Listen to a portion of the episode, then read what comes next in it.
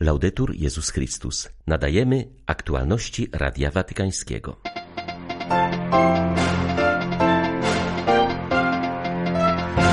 Do budowania z Jezusem nowego, bardziej ludzkiego, sprawiedliwego i pokojowego świata zachęca papież w opublikowanym dziś przesłaniu na pierwszy Światowy Dzień Dzieci, organizowany w Rzymie na 25-26 maja. Zwierzchnicy kościołów Ziemi Świętej apelują o zawieszenie broni i wsparcie dla cierpiącej ludności strefy gazy po czwartkowej tragedii, w której w wyniku ostrzału zginęło ponad 100 cywilów.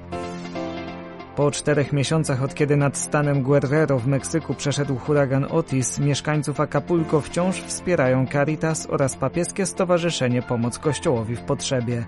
2 marca wita Państwa ksiądz Tomasz Matyka. Zapraszam na serwis informacyjny. Wy wszyscy, dziewczynki i chłopcy, będący radością waszych rodziców i rodzin, jesteście także radością ludzkości i Kościoła. Tak zwraca się papież do najmłodszych w specjalnym opublikowanym dziś orędziu na pierwszy Światowy Dzień Dzieci, przygotowywany na 25-26 maja w Rzymie. Franciszek w swoim tekście przedstawia proste wskazania, jak osiągać szczęście w życiu.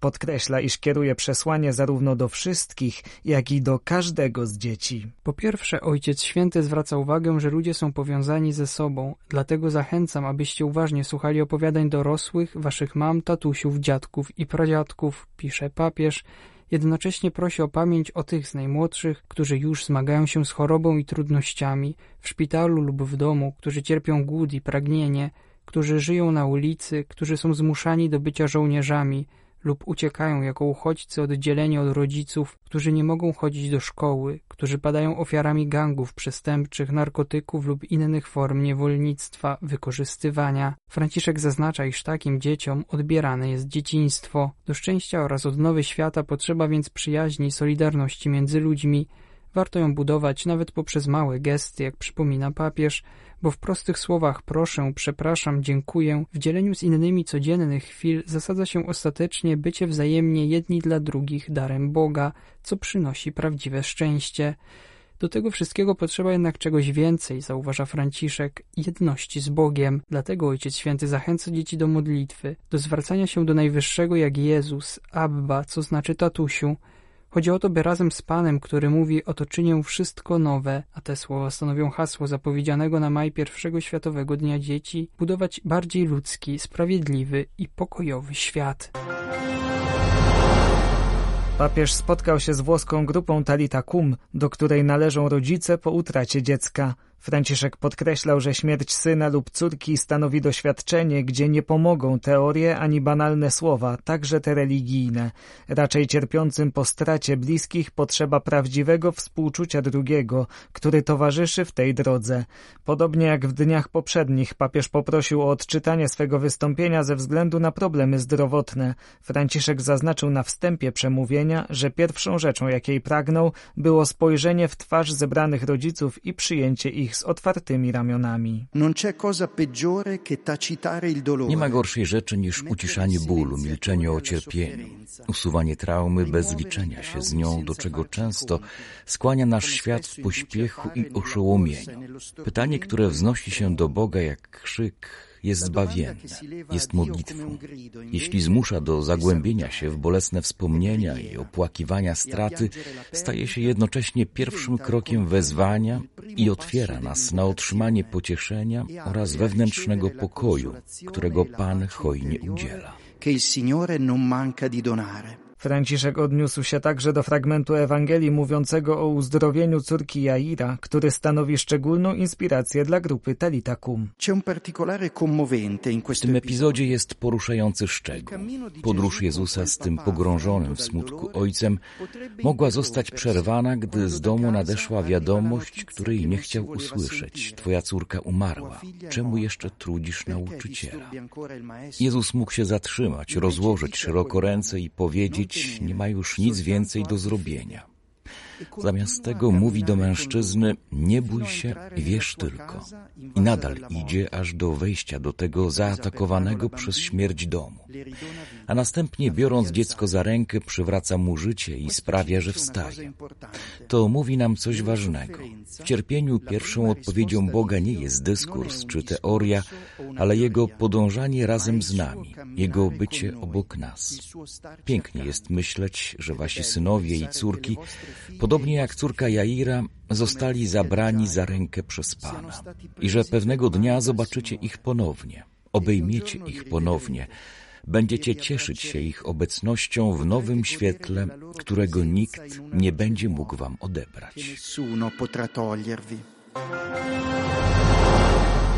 Sądzenie wymaga cnót męstwa i odwagi, bez których mądrość może pozostać jałowa, przypomniał papież w przemówieniu do sędziów i prokuratorów Trybunału Państwa Watykańskiego. W sposób szczególny pozdrowił też obecnych na audiencji przedstawicieli włoskich władz cywilnych i wojskowych. Swe przemówienie, odczytane z powodu choroby przez księdza Ciampanelliego, Franciszek poświęcił cnocie odwagi. Dla chrześcijan ta cnota, która w trudnościach w połączeniu z męstwem zapewnia stałość w dążeniu do dobra i czyni człowieka zdolnym do stawienia czoła próbie, nie stanowi tylko szczególnej cechy duszy charakterystycznej dla pewnych heroicznych osób. Chodzi tu raczej o cechę otrzymywaną i wzmacnianą w spotkaniu z Chrystusem, jako owoc działania Ducha Świętego, którego każdy może otrzymać, jeśli go wzywa. Odwaga zawiera pokorną siłę opierającą się na wierze i bliskości Boga, oraz wyraża się w szczególny sposób w zdolności do działania z cierpliwością i wytrwałością, odrzucając wewnętrzne czy zewnętrzne uwarunkowania utrudniające osiągnięcie dobra. Franciszek zauważył, że świadectwo odwagi dają nam dzisiaj ci, którzy doświadczają bardzo ciężkich prób w postaci wojny czy ciągłego naruszania praw człowieka. Jest wśród nich wielu prześladowanych chrześcijan. W obliczu tych niesprawiedliwości, mówił papież, Duch Święty daje nam siłę, byśmy się nie poddawali. Wzbudza w nas oburzenie i odwagę. Oburzenie w obliczu tych niedopuszczalnych realiów i odwagę, by próbować je zmienić. Ojciec Święty zwrócił z kolei uwagę na potrzebę odwagi w wymiarze sprawiedliwości. Jest ona konieczna, aby rygorystycznie dążyć do ustalenia prawdy.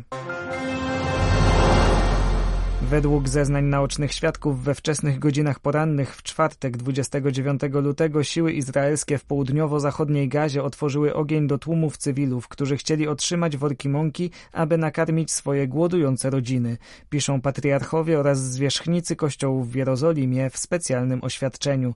Tekst zaznacza, iż w efekcie tych działań zginęło ponad 100 osób z lokalnych mieszkańców, a wiele więcej zostało rannych. Sygnatariusze potępiają takie wydarzenia. Wzywamy walczących strony do natychmiastowego i długotrwałego zawieszenia broni, które pozwoli na szybkie dostarczenie pomocy humanitarnej do strefy gazy oraz na wynegocjowanie uwolnienia osób przetrzymywanych jako jeńcy i więźniowie, piszą w wydanym wczoraj orędziu zwierzchnicy różnych kościołów Ziemi Świętej. Podkreślają przy tym tragiczną sytuację, w jakiej znajduje się ludność na terenie ogarniętym działaniami wojennymi. Do prawie pół miliona cywilów nie dociera już prawie żadna pomoc z powodu surowych ograniczeń wjazdu i braku eskorty dla konwojów dostawczych.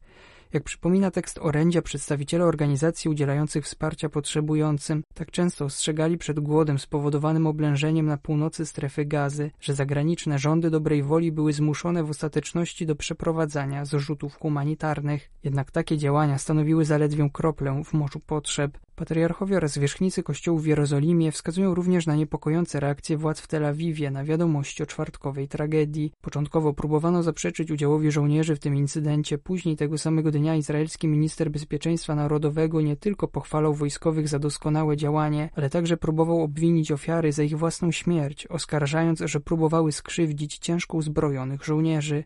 Następnie zaatakował dostarczanie pomocy humanitarnej do strefy gazy, argumentując, że należy jej zaprzestać, czytamy w oświadczeniu. Apelując o zawieszenie broni i wsparcie dla cierpiącej ludności, sygnatariusze orędzia wyrażają również swoją bliskość z ponad 800 chrześcijanami zgromadzonymi od pięciu miesięcy w kościołach świętego Porfiriusza i świętej rodziny w Gazie. Swoją modlitewną solidarność kierują też do pracowników oraz pacjentów pozostającego pod opieką Anglikanów szpitala Al-Ahli. Minęły cztery miesiące, od kiedy nad stanem Guerrero w Meksyku przeszedł huragan Otis, który należał do najwyższej piątej kategorii. Niełatwo otrząsnąć się po takiej tragedii. Mieszkańców Acapulco wspierają Caritas oraz papieskie stowarzyszenie Pomoc Kościołowi w Potrzebie. Otis osiągał porywy wiatru dochodzące do 330 km na godzinę. Według danych rządowych ucierpiało ponad 270 tysięcy domów i budynków użyteczności publicznej. Na 78 parafii w tej okolicy poważnie uszkodzonych zostało zostało 40 świątyń. Było około godziny 23. Leżeliśmy już w łóżkach. Nagle zerwał się potężny wiatr, który powalał kolejne drzewa. Kiedy jedno z nich przewróciło się zaraz przy domu, wybiegliśmy na zewnątrz.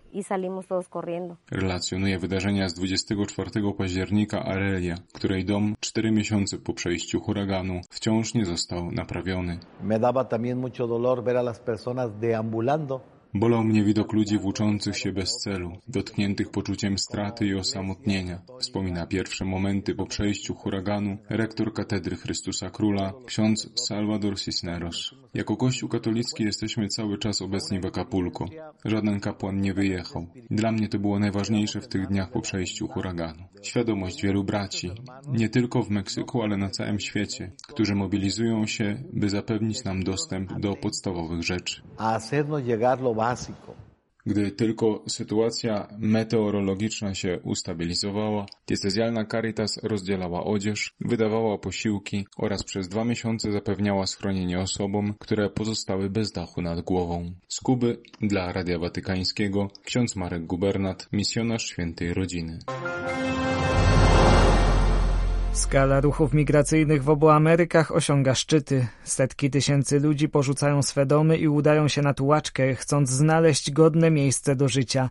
Jak zaznacza ksiądz Marvin Achik, Często nie ma woli po stronie rządów, by na poważnie zająć się problemem migracji, a społeczeństwa nie dostrzegają przyczyn tych ruchów i często nie zdają sobie sprawy z bardzo bolesnych, osobistych historii poszczególnych migrantów.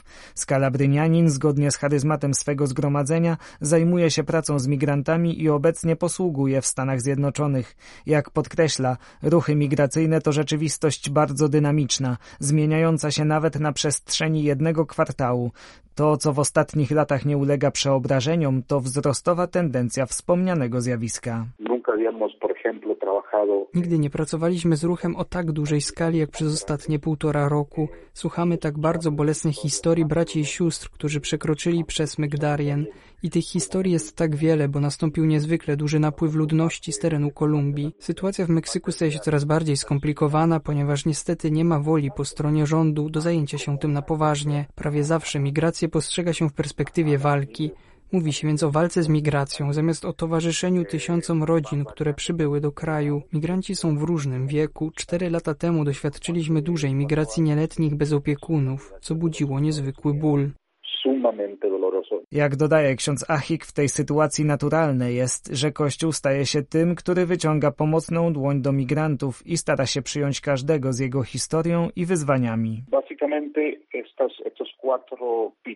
Zasadniczo opieramy się na czterech filarach, które Kościół przypomina przy okazji Światowego Dnia Migrantów i Uchodźców. To jest przejmowanie, ochrona, promowanie, integracja, Nasze pozycje i domy są strategiczne, to znaczy jako skalabrynianie znajdujemy się w miejscach, gdzie istnieje więcej możliwości wykonywania tych zadań. Dlatego też jesteśmy obecni na granicach, przykład między Gwatemalą a Meksykiem lub też na południowej granicy Stanów Zjednoczonych. Współpracujemy z parafiami i diecezjami. Zastanawiamy się również, jak zintensyfikować ochronę migrantów i wskazać im bezpieczne trasy, przede wszystkim po to, aby nie byli narażeni na inne rodzaje sieci. No Były to aktualności Radia Watykańskiego. Laudetur Jezus Chrystus.